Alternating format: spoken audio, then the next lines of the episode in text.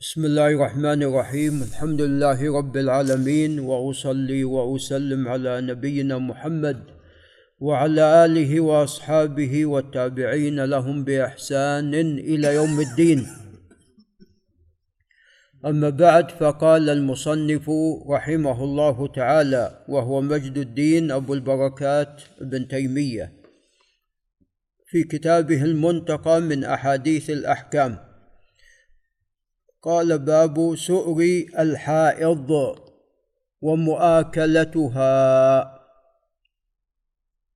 والمقصود بسؤر الحائض أي لعابها. نعم.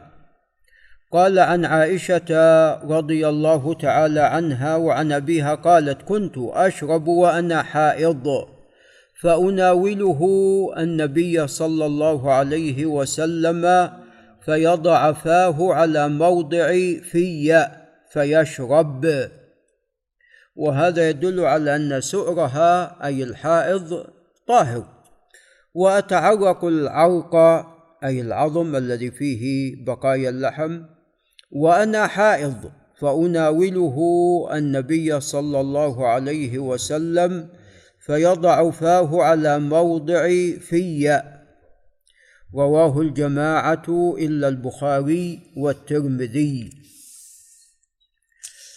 قال وعن عبد الله بن سعد قال نعم وعن عبد الله بن سعد رضي الله عنه قال سألت النبي صلى الله عليه وسلم عن مؤاكلة الحائض قال واكلها رواه أحمد والترمذي. فدل هذا على أنه لا بأس بذلك كله. قال باب وطئ المستحاضة. وتقدم لنا أن المستحاضة هي من استمر بها الدم وأن هذا الدم دم فساد وليس بدم حيض وبالتالي أنها مثل الطاهر ولكن طبعا تعتبر محدثة حدثا أصغر تتوضأ عند كل صلاة. تتوضأ عند كل صلاة وتصلي وتقرأ القرآن ويأتيها زوجها وتطوف بالبيت وتصوم. نعم. فالمستحاضة غير الحائض.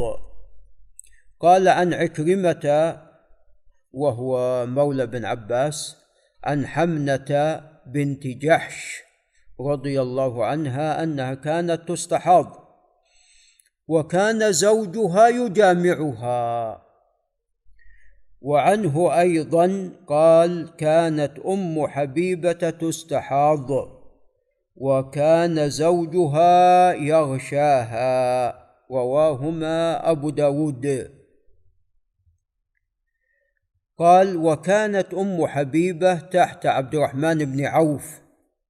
كذا في صحيح مسلم.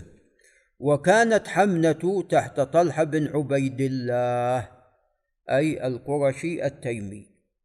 نعم وكلا الحديثين فيهما انقطاع ما بين عكرمة وحمنة وما بين عكرمة أيضا وأم حبيبة. ولكن كما تقدم أن مجامعة المستحاضة أن هذا أمر مشروع لأنها تعتبر طاهرة ليست حائض ولكن محدثة. يعني من حدثا أصغر ماذا تفعل؟ تتوضأ عند كل صلاة وتصلي حتى ولو خرج الدم لأنها معذورة. والله تعالى يقول فاتقوا الله ما استطعتم. ولعل نقف عند هنا.